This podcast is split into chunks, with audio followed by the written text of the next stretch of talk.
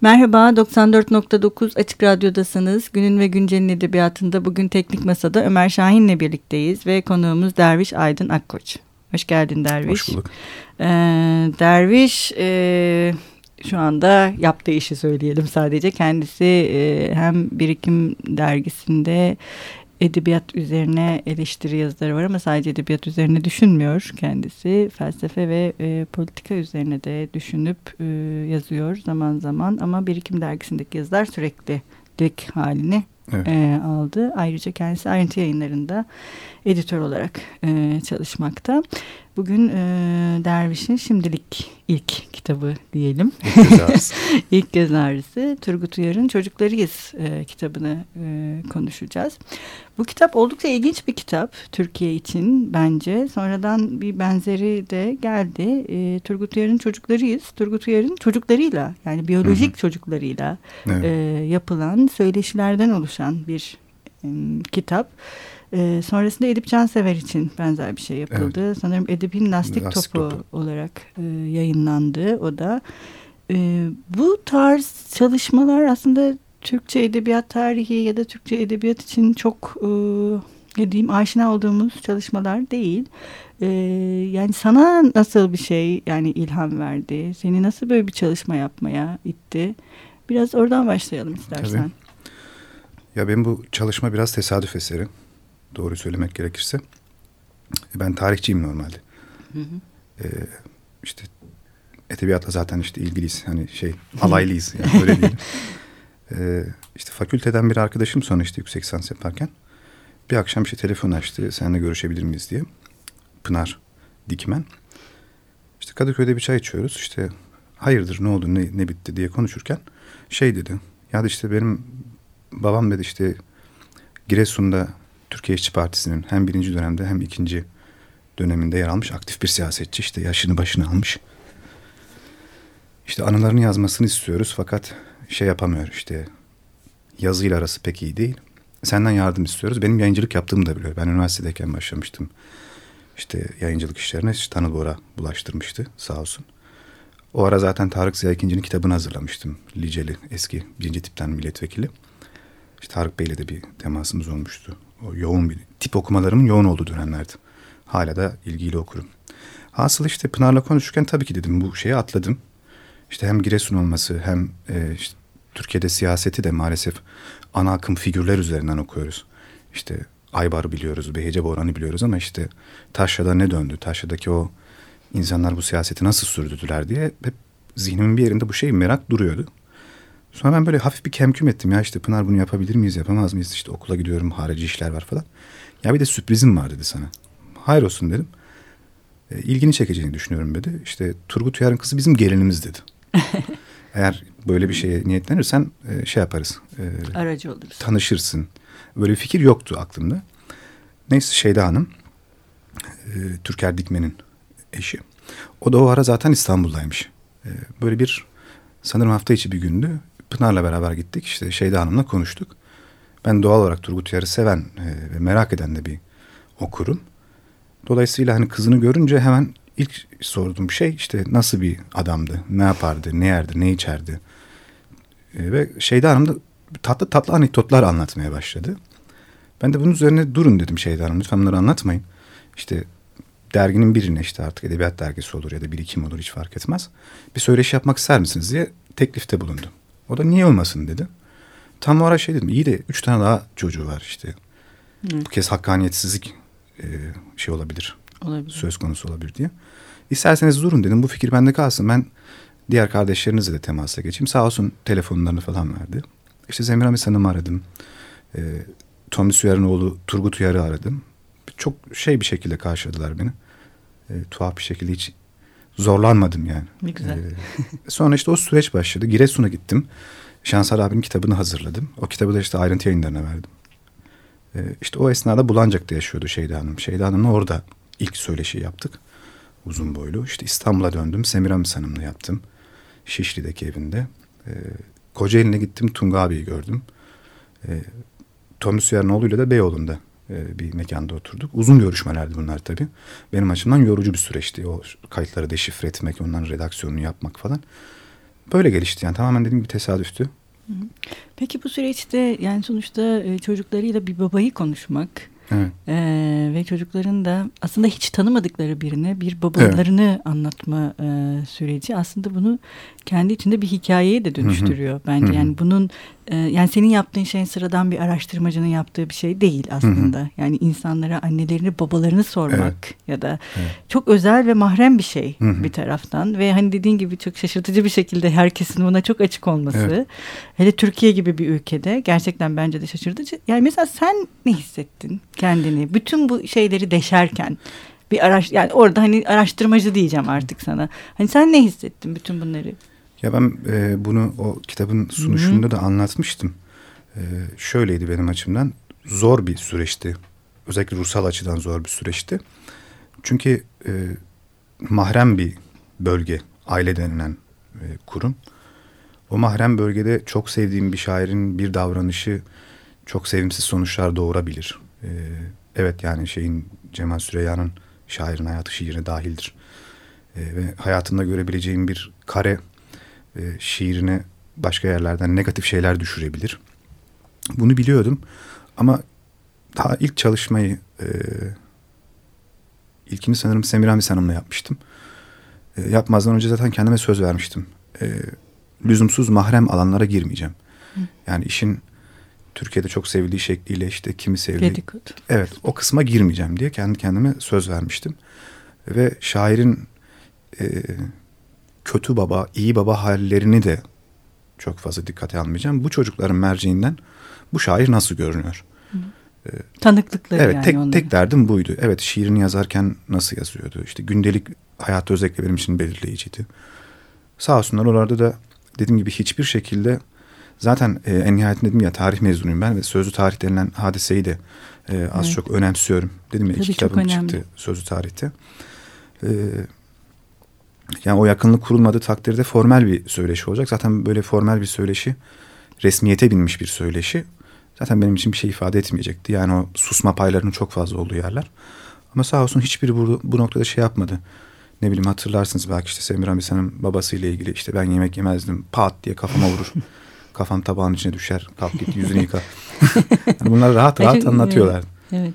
Yani aslında bu e, sözlü tarih daha hani Türkiye'de edebiyatçıların etrafında haleler örülmek Hı-hı. çok böyle rastladığımız ve o haleler örüldüğünde de onlar üzerinde aslında neredeyse bütün eleştiriyi olumlu olumsuz Hı-hı. neredeyse kaldırdığımız e, bir çerçeve daha yaygın e, olduğu göz önünde bulunursa sözlü tarih aslında biraz daha olaya e, bilimsel de yaklaşmayı Hafızayı biraz değişmek getiriyor evet. ve e, bu yine bizim ülkemizde çok da yaygın olmayan biyografi çalışmalarının da evet, ne kadar eksik evet, olduğu evet, maalesef. E, ve insanların hayatına dair çok az şey bildiğimizi Hı -hı. de e, ve sonrasında onları tarihselleştirirken de çok büyük bir eksiklik Hı -hı. olarak e, karşımıza çıkıyor bence. Peki mesela ne öğrendik? Yani bu e, çocuklarıyla olan röportajlarda ya da sen bir e, Turgut Uyar okuru olarak ne öğrendin?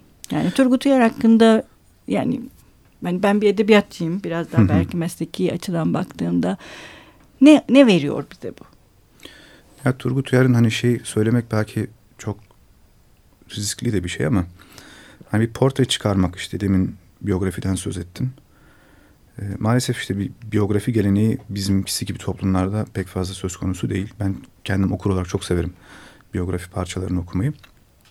E, benimkisi daha ziyade bir biyografiye belki malzeme evet bir tür ham madde çıkarabilecek bir çalışma olmuştu. Mesela o çalışmayı yaparken de yine garip bir şekilde değerli toplu bir biyografi şeyi olmadığı için çoğu zaman işte başkalarının tanıklıklarına, işte Cemal Süreyya'nın tanıklığına, işte Edip Cansever'in tanıklığına başvurup parçalar çıkıp onlardan çıkarılacak soruları çocuklarına soruyordum. Tabii ki şeyde şöyle bir şey ya benim açımdan zaten hani az çok şiirleriyle de düşüp kalktığım için Hı Zaten sakin bir hayat göreceğimi, zaten e, ekstraları olan, fazlaları olan bir şairle karşılaşmayacağımı az çok şey yapıyordum, tahmin ediyordum. Bununla e, sonuçta da çocukların anlatımlarından hareketle bakınca da işte günlük rutine oturmuş.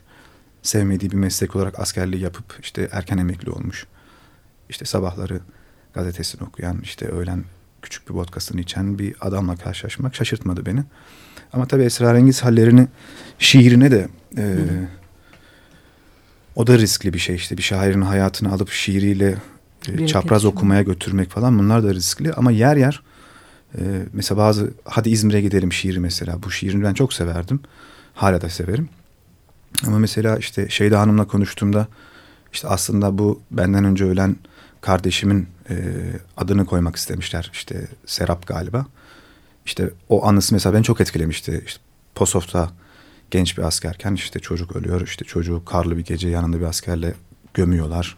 Ateş yakıyorlar işte kurtların gelip toprağa eşeleyip e, çocuğun işte taze bedenini yememesi için. Mesela bunlar beni çok etkilemişti. O gözümde canlanan e, portrelerden bir tanesi ve işte şiirine baktığında işte hadi İzmir'e gidelim e, şiiri o ufak tefek yer ufak tefek de olsa böyle bir anekdotla şiir arasında bir bağlantı kurulmasına ama sadece o değil.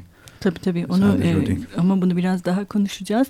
E, şimdi bir ara verelim. Bugün e, ne çalalım diye konuştuğumuzda sen Turgut Uyar neyi sever demiştin. onu çalalım. Olur. Kadifeden Kadifeden kesesin, kesesin evet.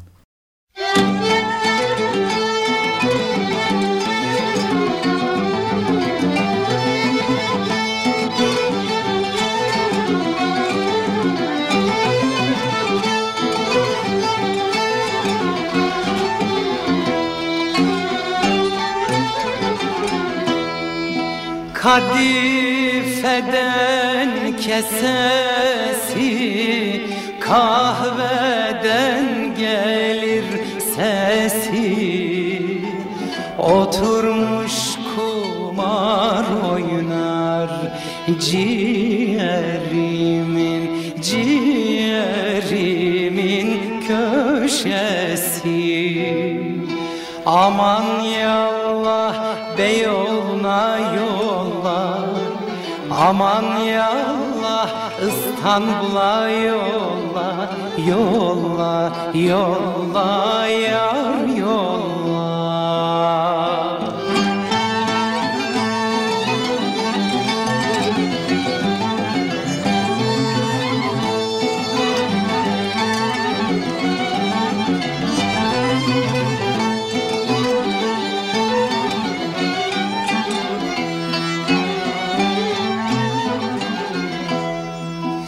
Kadife yastım yok. Odana bastım yok.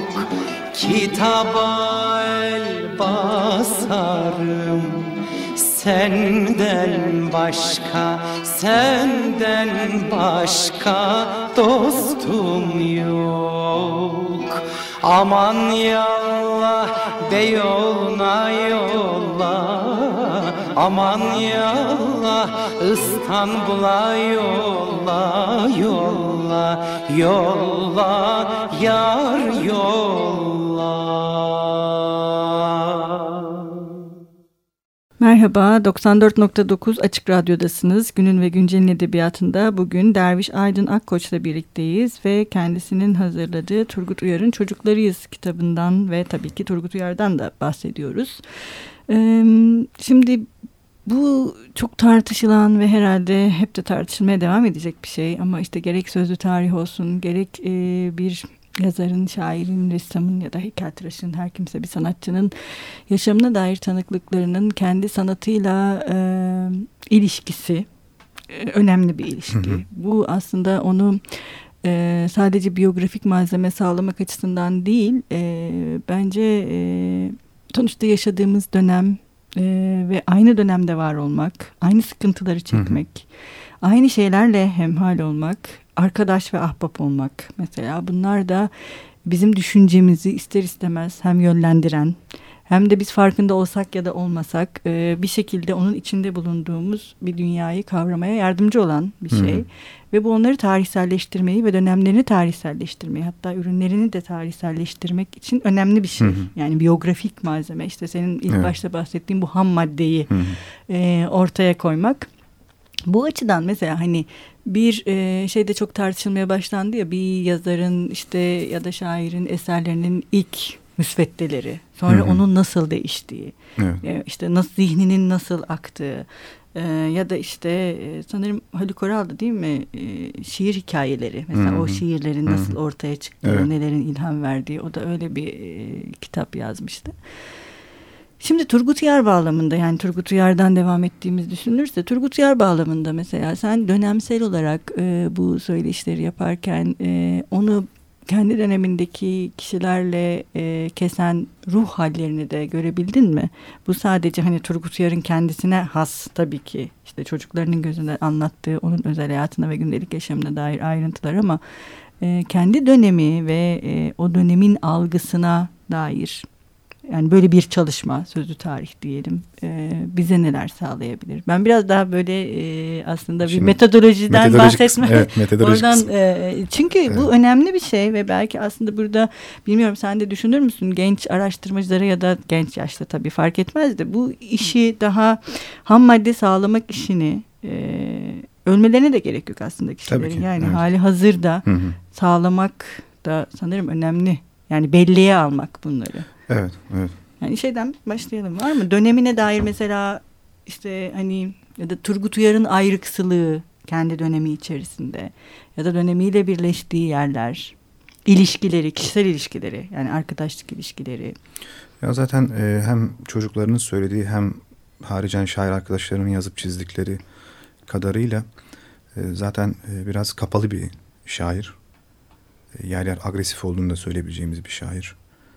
Ama yer yerde fazlasıyla yumuşak olduğunu söyleyebileceğimiz bir şair. Hani tamamen insan o anlamda. Yani döneminin elbette o arkadaş çevresini mesela şeyin Edip Cansever'le bu kadar yakın olduklarını tanıklıklarından da şairden arkadaşlarından duymak da şeydi ama çocuklarından duymak da bana şey gelmişti. Tuhaf bir şekilde iyi gelmişti. Yani mesela bir dostluk mefhumu. Bu Evet. edebiyatçılar arasında o mahfillerde dönen e, mesela Edip Cansever'in bu kadar yakın olması, Turgut Uyar'ın e, Turgut Uyar'a iyi geldiğini e, bilmek işte o kitapta da anlatır e, Semiramis Hanım işte eve kapanan biri zaten. Sokakla pek Dışarıya çok açık değil. Evet, sokakla pek bir arası yok. Ama işte Cansever'in gelip işte alıp çıkmaları işte bir meyhanedeki satır. Birbirlerini şiirler- besleyebilmeleri. Ben şiirlerin de birbirlerini beslediğini düşünüyorum. Ee, doğruyu söylemek gerekirse kendi içlerinde şiirlerini konuşma halinde olduğunu da düşünüyorum. Yani o kadar yakın bir dostluk ilişkisinden e, haliyle şiir de payını almıştır diye düşünüyorum. Mesela yine bahis açıldığı için Edip'in Cansever'in Tunga'nın anlattığı şekliyle işte cenaze töreninde ki o donup e, cenazeye bakması işte ben burada kendi cenazemi görüyorum. Nitekim bir yıl sonra da işte Edip Cansever hayatını kaybediyor. Yani bu bir dönemin ruhu tabii ki ama bu ruh elbette işte ikinci yerini hani malum ana akım e, şiir geleneğinin işte kırılmaların ya da işte Ece Ayhan'ın deyişiyle toprak kayması bir tür deprem E, ve bu toprak kaymasında her kayma hareketinin içinde barındırdığı o çatırtılar, o şiddetli kopuşlar, o şiddetli kopuşların yarattığı reaksiyonlar bunlardan çok fazla nasibini alan insanlar bunlar. Yani sen daha Hı hı. e, içeriden biri olarak e, biliyorsun ikinci yeniye yönelik e, hala süre gelen kıyıcı eleştirileri. Elbette orada kendi içlerinde korunaklı bir adayı oluşturduklarını düşünüyorum. Evet o adanın tanımlanmasında da mesela bu tarz Evet, sözlü bu tarz- tarih çalışmaları çok önemli aslında. Her şeyde sunuşta mesela e, Hı hı. Orhan, Koçak Koçak'ın. e, şeyi topa atmıştı işte hani e, sıcağı sıcağına madem bu işle uğraşıyor bu olan e, bir biyografi kitabı yazsın e, diye. Evet yani bir niyetim var elbette ama hani bunun için işte çalışma şartları, zaman Ya. e, hep olduğu gibi mesela bu çalışmayı yaparken de tuhaf bir şekilde doğruyu söylemek gerekirse bunu sadece kendi çabanla Tabii. e, işte yol parasından Kendi tutalım. Evet. O saatlerce o deşifrasyonları yapmak, onların redaksiyonu bunların hep hiçbir yerden hiçbir destek alınmadan Evet. sürdürülen şimdi yeni araştırmacılar belki akademide fonlar varsa bilmiyorum sen Evet, daha iyi biliyorsun. Evet, evet. Ama bireysel anlamda gerçekten maddi hem maddi hem zaman anlamında şey var. Yani bunun bir tarafı sözlü tarih, diğer tarafta da arşivler. Evet. Onlar da çok Evet. önemli. Mesela şimdi işte dediğin gibi işte Boğaziçi Üniversitesi Boğaziçi arşivlerinde Leyla Erbil Hı hı, arşivini hı hı. mesela tamamen kamuya açmak üzere dijitalleştirmeye başladılar. Bu Hı çok hı, önemli bir evet. girişim bence. Yine Boğaziçi Üniversitesi Adalet Ağaoğlu'nun arşivini kamusal yani ileriki süreçte Yakup Kadri'yi de e, sanırım e, Yakup Kadri'yi de açacaklar. Aslında bu e, beraber yani paralel yürüyen çalışmalar daha çok şeyin ortaya hı hı. çıkmasını da sağlayabilir. Bir de şey merak ediyorum tabii bu da e, herhalde bizi dinleyen birçok kişi merak etmiştir. E, Turgut Uyar'ın hiç bilinmeyen eserleriyle karşılaştın mı?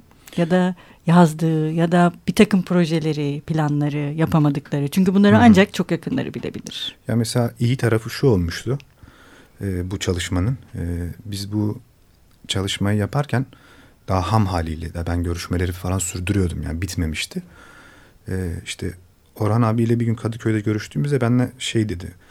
E, bu adamın bir de bir tiyatro metni var. Derviş dedi. Nasıl abi dedim. Yani şöyle şu vakitlerde bir şeyler yazmış. Yayınlanmamış. Bunu bir sorar mısın? E, çocuklara diye. Mesela bu çalışmanın iyi tarafı e, Tommy Suyarınoğlu'yla Turgut Uyar'la konuştum.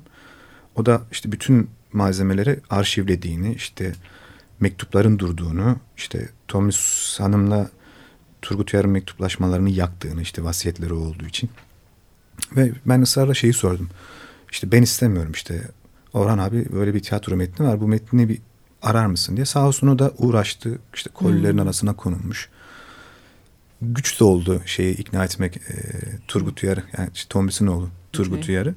Çünkü o da haklı olarak şey dedi. Ya babam bunu yayınlamamışsa ve bunu köşeye almışsa onun bir bildiği vardır. Demek ki içine sinmemiştir.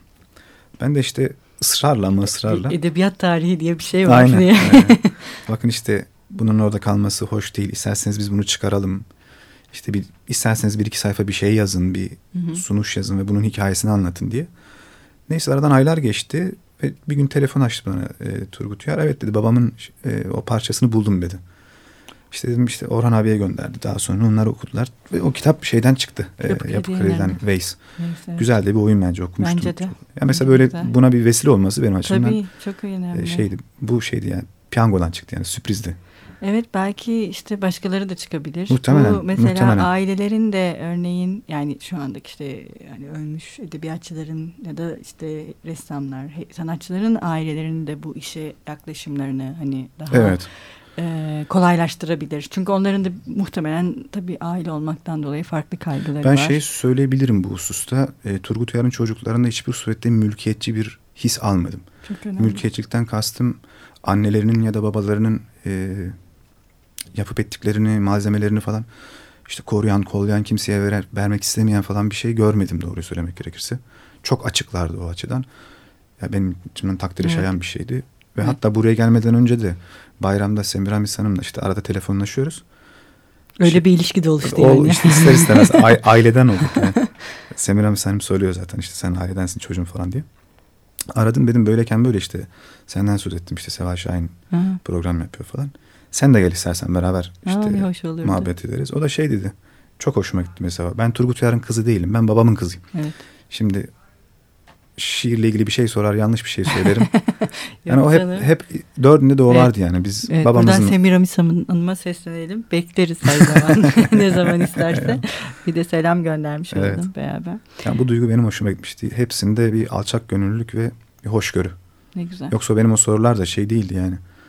Ee, işte cenazesine gidiyor musunuz? İlk ne evet. zaman oldu falan. Bunlara çok rahat bir şekilde bir, evet. bir bağ gelişti. Evet, e, çok teşekkür ederiz. Ben teşekkür Derviş, ederim. Bugün burada bizimle birlikte olduğun için 94.9 Açık Radyo'da Günün ve Güncel'in edebiyatında bugün Derviş Aydın Akkoç'la Turgut Uyar'ın Çocuklarıyız'ı konuştuk. Hoşçakalın, görüşmek üzere.